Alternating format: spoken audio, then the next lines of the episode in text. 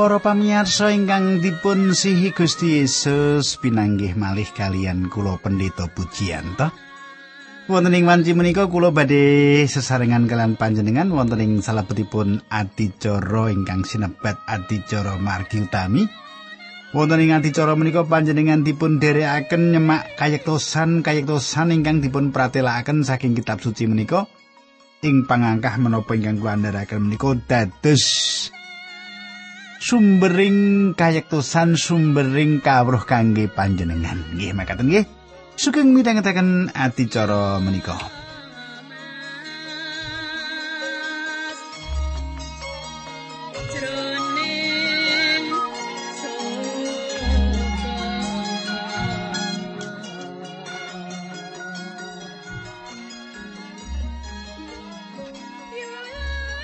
Para pamirsa ing pepanggihan kepengker kula sampun nderekaken panjenengan nyemak pilih anggenipun boten setya Saul dumateng Gusti ingkang gadah konsekuensi utawi risiko Gusti mejahi yambakipun. Nek kateng kula kita badhe lajengaken nang saderengipun menika monggo kita tumungkul kita ndedonga langkung rumiyin. Duh Kanjeng Rama ing swarga kawula ngaturaken kenging panuwun menawi wekdal menika kawula saged tetunggilan kalian sederek-sederek kawula ingkang setya tuhu midhangetaken adicara menika. Kawula nyuwun Gusti berkahi adicara menika tuntuni sedaya kawula Gusti supados kayektosan paduka saestu saged kawula tampi lan saged kula cakaken wonten ing gesang kawula.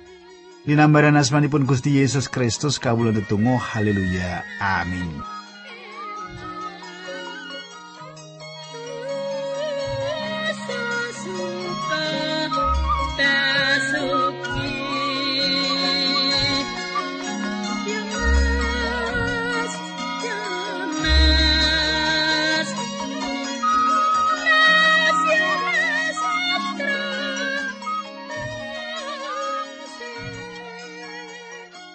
Para pamirsa samenika pasinaon kita sampun lumebet kitab setunggal babat bab 11. Nggih.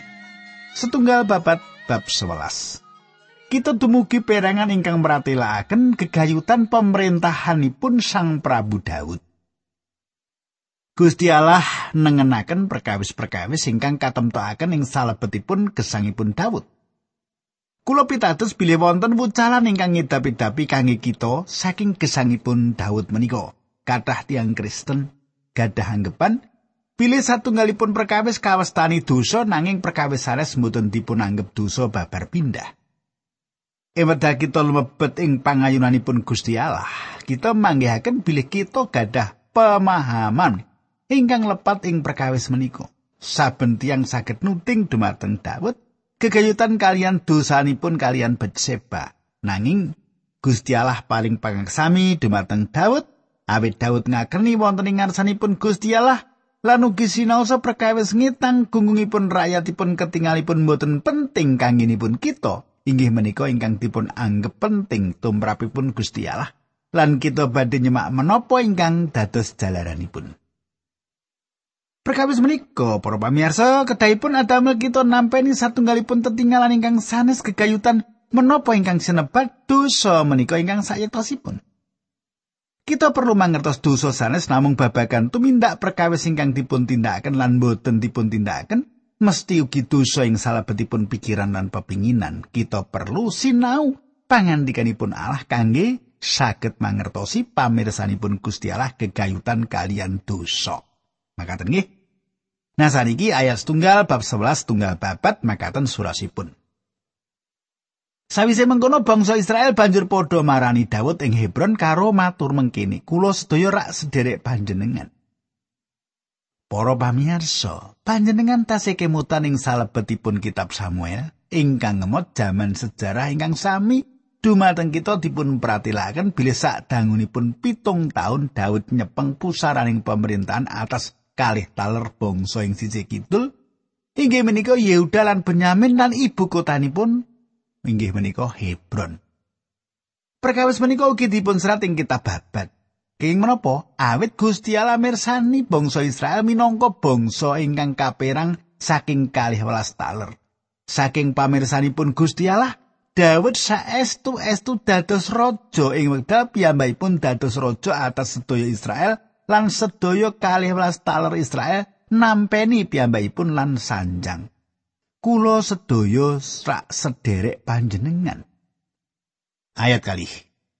Wiwit rumiyin malah nalika Saul tasih dados raja panjenengan menika ingkang mimpin rakyat Israel ing peperangan Kejawi saking menika Gusti Allah sampun janji dateng panjenengan bilih panjenengan badhe mimpin umatipun lan dados rajanipun. Para pamirsa, panjenengan gatosaken. Daud mboten dados raja saderengipun rakyat nampeni minangka pilihan Allah. Inggih menika pitung taun sak sampunipun piyambakipun merintah atas Yehuda lan Benyamin. Lajeng ayat 3. Daud nuli gawe perjanjian atas asmane Allah karo bangsa Israel sing padha teka ing Hebron mau. Daud banjur diwisuda dadi raja Israel kaya sing dingendikake dening Allah lantaran Samuel. Para pamirsa samenika Daud dados raja atas kalih welas taler saking pamirsanipun Gusti Allah menika dumados ing wekdal Daud miwiti pemerintahanipun. Kula lajengaken ayat sekawan. Ing sawijining dina Raja Daud karo tentarane kabeh nyerang kutha Yerusalem nalika semono kutha mau jenenge Yebus sing manggon ing kono penduduk asli. Kadang kula Daud sampun naliti tanah menika. Daud mangertos kathah kegayutan daerah menika lan Yerusalem satunggalipun kitha ingkang sampun dipun pilih dados ibu kotanipun. Papan menika badhe kaadeki pedalaman Allah. Papan menika satunggalipun pilihanipun Daud nanging ugi pilihanipun Gusti Allah. Kata perkawis ingkang dipun ngendikaaken ing salebetipun pangandikanipun Gusti Allah kegayutan kita Yerusalem. Mesti kemawon kita menika sanes kita Yerusalem kados ingkang kita tingali samenika. Ahli arkeologi ingkang gali ing taun-taun pungkasan menika sampun meratelaken bilih tembok ing jaman rumiyin dibangun kanthi arah ingkang lelawanan kalian tembok ingkang wonten samenika. Daerah pedalaman Allah papanipun ing Gunung Moria ingkang wonten ing sak nginggilipun Yerusalem ingkang samenika. Inggih menika papan ingkang dipun pilih Daud. Ayat gangsal Wong Yebus padha sesumbar yen Raja Daud mesti ora bakal bisa mlebu kutha kono. Nanging Raja Daud nyatane bisa ngrebut betenge kutha mau sing aran Sion. Panjenengan semak Daud ngginakaken papan pengayoman ing Sion lan wonten ing mriku piyambakipun bangun kedatonipun. Gunung Sion saestu aji kanggenipun Daud. Samenika kalajengaken ayat 6. Wiwit nalika semono beteng mau karan kutane Daud, Raja Daud ngumumake marang para prajurite yen sapa sing dhisik dhewe mateni wong Yebus bakal didadekake panglima. Wekasane Yoab dadi panglima, merga dheweke sing mimpin peperangan mau. Ibune Yoab jenenge Seruya. Kadang kula, Yoab menika tiang nomor setunggal ing salebetipun prajuritipun Daud, ing salebeting prajuritipun Daud. Piyambakipun menika juru penasihatipun Daud lan inggih piyambakipun menika panglima perang kerajaan. Yoab kalebet para perwiranipun Daud Imut kegayutan pambudidaya ing wekdal piyambakipun wiwit ngadep Daud, lelampahan-lelampahan ing pundi piyambakipun mimpin laskar lan kados pundi perang kangge kepentingan Daud. Tiang menika dados panglima perang, piyambakipun nguasani atas sedaya angkatan darat lan angkatan laut lan prajurit menapa kemawon ingkang wonten. Yoab menika pemimpin atas sedayanipun. Kula lajengaken ing ayat pitu, Raja Daud banjur manggon ing kono awit saka kuwi wong jenengake kutha Daud. Kutha Daud sayektosipun mapanipun wonten daerah Sion. Cethanipun ing mriki kedaton Daud dipun edekaken. Daud remen kalian Gunung Sion. Ayat 8. Kutha Yerusalem dibangun ngubengi beteng mau oleh bangun wiwit saka sawetane gunung sing diuruk lemah sing ngrampungake pegawean mau Yoab. Panjenengan katosaken Yoab sanes namung tugas mimpin prajurit Daud. Piyambakipun ugi gadah tanggung jawab atas rancangan bangun kita. Ayat songo. Raja Daud saya suwe saya misuwur merga saka pitulungane pangeran sing maha kuwasa. Para pamirsa, Daud nuntun bangsa Israel ngantos dhateng kalenggahan ing pundi negara menika dados satunggalipun kerajaan ingkang ageng lan gadah daya pengaruh ingkang ngidapi-dapi ing saindengipun jagat. Daud netepaken landesan lan ing sak nginggilipun Soleman saged nyukani satunggalipun paseksi dumateng jagat ing jaman ingkang kepengker. Selajengipun kita badhe ningali para pahlawanipun Daud. Para pahlawanipun Daud inggih menika tiang-tiang ingkang manunggal kalian Daud ing jaman piyambakipun dipun tampik dening Raja Saul. Samenika sasampunipun Daud dados raja, kalenggahan tiang-tiang menika ugi nderek minggah.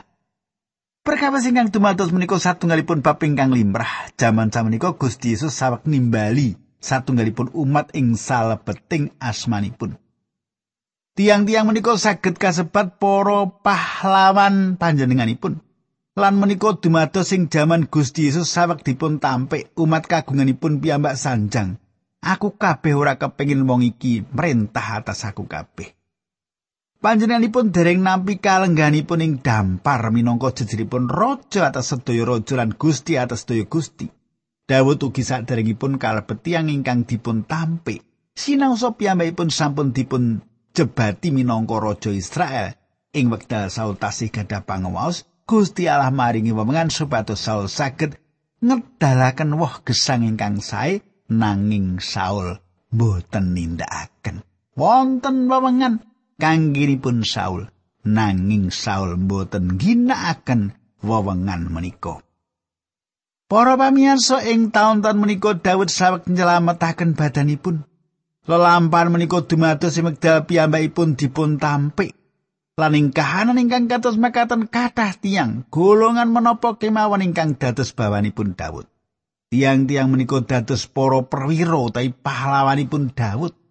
Ing jaman menika Sang Kristus dipun tampik dening jagat. Gitu? Panjenengan lan kula gesanging salebetipun jagat ing pundi Gusti Yesus Kristus dipun tampik karawanipun. Nanging ing jaman menika panjenenganipun sawek nimbali satunggalipun umat ing salebeting asmanipun. Panjenenganipun menika juru wilujeng kita, Gusti kita lan guru kita. Dados kita ketangen tosi ngantos panjenenganipun menika nglenggahi damparing kratonipun. Emata menika kita badhe nyepeng panguwasa sarengan kalian panjenenganipun. Awit Gusti kita dipun tampik Kula mboten mangertos kenging menapa wonten sawetawis tiang pitados ingkang budidaya supados dados tiang ingkang misuwur piyambak ing satunggalipun kita. Tiang-tiang menika ketaipun mboten gadah patrap ingkang kados makaten. Gusti Yesus ngendika pilih awet jagat sengit dumateng panjenenganipun pramila jagat ugi sengit dumateng kita. Katang kula. Menawi panjenengan menika leres-leres dados tiang ingkang pitados dumateng Gusti Yesus Kristus pramila para andhanipun iblis badhe dados mengsah panjenengan. Kita saweg gesanging satunggalipun jaman ing wekdal Sang Kristus saweg dipun tampi lan panjenenganipun saweg nimbali para pahlawanipun. Tiang tiga ingkang dipun pilih minangka kepala para pahlawan inggih menika tiang-tiang ingkang beto toya saking sumur Bethlehem dumateng Daud Lelampahan menika satunggalipun cariyos ingkang ngidapi-dapi kadang kula kluwasaken nggih. Ayat kang 11 ngantos 19. Ing sawijining dina nalika tentara Filistin lagi pasang kemah ing lebak Efraim, ana perwira telu ing antarane perwirane Raja Daud 30 sing pengpengan dhewe. Padha nemoni Raja Daud ing Gunung Watu sak jedhake Gua Abdullam. Nalika semono Raja Daud lagi ana ing sajroning beteng lan tentara Filistin nguasani kutha Bethlehem. Raja Daud kangen banget karo desa kelairane, pangandikane ibu senengku yen bisa ngombe banyu saka sumur sak cedhake gapura ing Bethlehem. Krungu ngandikane Raja Daud mengkono iku perwira mau banjur gempur panggonane wong Filistin nuli nimba banyu saka sumur diaturake marang rajane nanging Raja Daud ora kersa ngunjuk malah banyu mau disok minangka korban marang pangeran. karo ngendika aku ora bisa ngombe banyu sebab yen tak ombe prasasta aku ngombe getih wong-wong sing golek banyu iki srana ngetohake nyawani Dadine Raja Daud ora kersa ngunjuk banyune mau mengkono mau jasa lan kekendarane para perwirane Raja Daud sing misuwur. Para pamirsa. Daud ageng ing kitha Bethlehem. Kitha menika kitha kelahiranipun. Wonten satunggal sumur ing gapura kitha lan asring ing wekdal piyambakipun wangsul saking angen mindanipun. Menawi piyambakipun ngelak piyambakipun mandek ing sumur kawa lan ngunjuk. Ing wekdal menika tiang Filistin ngrebut kitha menika lan Daud boten saged kisah dateng sumur menika. Piyambakipun sanjang wah aku pengin banget ngombe banyu sumur kuwi. Menika namung satunggalipun pepinginan lan sanes satunggalipun dawuh. Tiang tiga menika kasil nembus penjagaanipun tiang Filistin lan mendetoyo sumur menika lan dipunaturaken dumateng Daud. Ingkang dudut manah inggih menika Daud mboten purun ngunjuk toya menika nanging piyambakipun ngesokaken Siti minangka korban sok-sokan dumateng Gusti Allah. Para pamirsa, wonten sawetawis perkawis ingkang memper ingkang saged kita sinau saking cariyos menika. Gusti Yesus dipun lairaken ing kitha Bethlehem lan panjenenganipun menika toya saking Bethlehem. Panjenenganipun menika toya panggesangan, kathah pahlawanipun Gusti Yesus Kristus, perwiranipun Gusti Yesus Kristus ingkang mengabad-abad sampun beto toya kangge dipun paringaken dumateng jagat ingkang ngorong menika. Kulo gadah pikiran kegayutan Livingstone, Judson, Henry Martin lan kathah misionari sanesipun ing jaman kepengker Salajengipun wonten para misionari ing jaman samenika kathah misionari ingkang sampun nilaraken samukawis supados saged nembus pepalang-pepalang kangge saged ngelaraken pangandikanipun Gusti Allah dumateng jagat ingkang sawek ngorong menika. Gusti nyerat sedaya pambudidaya tiang-tiang menika. Tiang-tiang menika kalebetaken ing daftar para perwira utawi para pahlawan. Para pamirsa panjenengan gatosaken kados pundi balanipun Daud kanthi trengginas bidal ing Daud nglairaken pepinginanipun. Daud mboten nate nyukani perintah kados mekaten menika. Nanging Gusti sampun paring dawuh dumateng kita supados kita mbeto toya panggesangan menika dateng saindenging jagat. Lan menapa ingkang sampun kita tindakaken? Menapa panjenengan bangun turut dawuhipun? panjenengan gatosaken menapa ingkang dipun tindakaken Daud kekayutan toya ingkang dipun beto pahlawanipun kanthi risiko ingkang ageng menika. Daud menika tiyang ingkang boten mentingaken badan piyambak. Boten gumunaken para pandherepun saestu sanget remen dumateng piyambakipun. Para pandheripun rilo nandang sengsara kangge piyambakipun awit piyambakipun rilo nandang sengsara sarengan kalian tiang-tiang menika.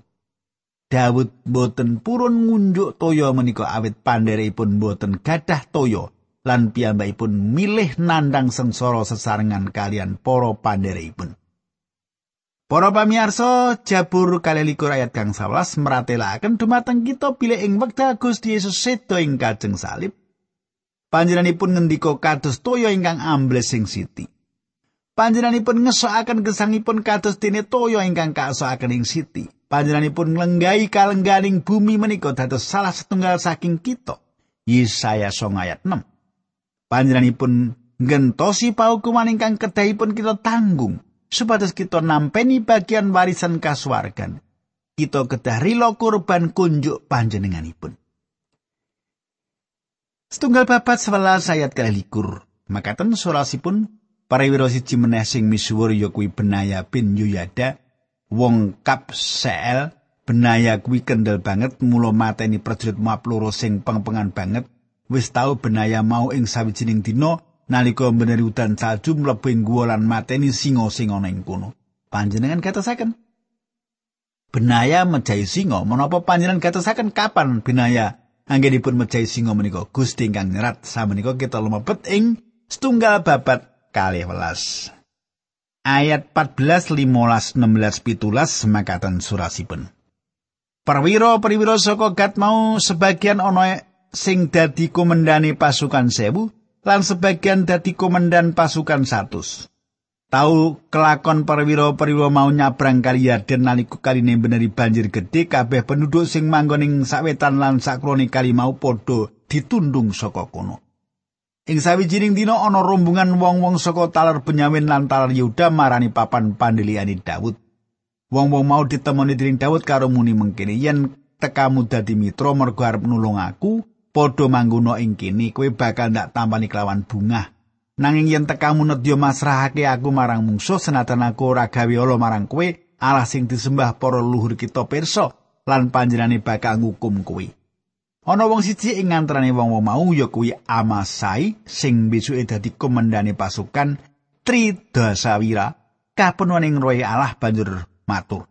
Daud putrane ipun Isai kula sami wonten ing wingking panjenengan.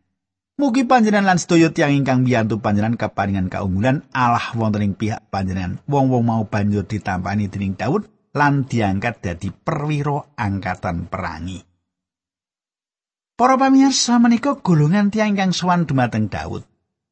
Tiang-tiang menika nglangi nyabrang lepen Yordan ing wekdal lepen menika toyane sawek ageng. Tiang-tiang kala meh nglokro lan Daud mangi tiang-tiang menika. Daud mboten mangertos menapa tiang-tiang menika rencang utawi mengsah lan kasunyatanipun tiang-tiang menika gadah kekajengan ngabekti dumateng Daud. Tiang-tiang menika gadah kekajengan gabung kalian Daud lan ngladosi piyambakipun.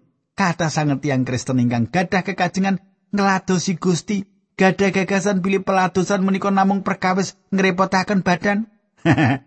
Nanging perkawis ingkang penting piyambak inggih menika menapa panjenengan ngersakaken gesang kunjuk Sang Kristus. Inggih menika ingkang dipun lantaraken tiang-tiang saking talarkat menika dumateng Daud kula sami gadah kekajengan dados setunggal kalian panjenengan. Kulo sami gadah kekajengan masrahaken badan kulo sami dumateng panjenengan lan gesang panjenengan. Para pamirsa, Sang Kristus sampun nuntun kita nyabrang Yordan lumantar sedolan bungunipun lan panjenenganipun sampun berkahi panjenengan kanthi berkah kasukman. Nanging panjenengan kedah wangsul dhateng jagat kangge nglampahi gesang Kristen. Gusti Yesus ndongaaken umat kagunganipun. Cobi panjenengan semak Yohanes 17 ayat 15. Kawula mboten nyuwun supados tiang-tiang menika paduka pundhut saking jagat, namung supados paduka reksa sampun ngantos piyambakipun dipun kuwaosi dening iblis.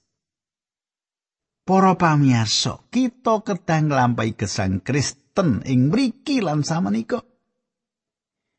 Para mitra kula, satunggal-tunggalipun papan kangge nglampahi gesang Kristen inggih menika samenika lan ing mriki inggih menika ing bumi menika. Ampun ngentosi soben-soben. Ampun ngentosi wis mati nek mati ra iso nglakoni dadi Kristen. gitu. Lan kangge nindakaken gesang Kristen menika panjenengan kedah masrahaken badan panjenengan dumateng Sang Kristus. Para pamirsa monggo kita tumungkul kita ndedonga. Duh Kanjeng Rama ing swarga kawula ngaturaken kenging panuwun Menawi wekdal menika kawula sakit tetunggilan kalian sederek kawula lan nyuwun berkah patuko lumantar menapa ingkang sampun abdi patuko andhalaken menika. Dinambaran asmanipun Gusti Yesus Kristus kawula tetunggo haleluya. Amin.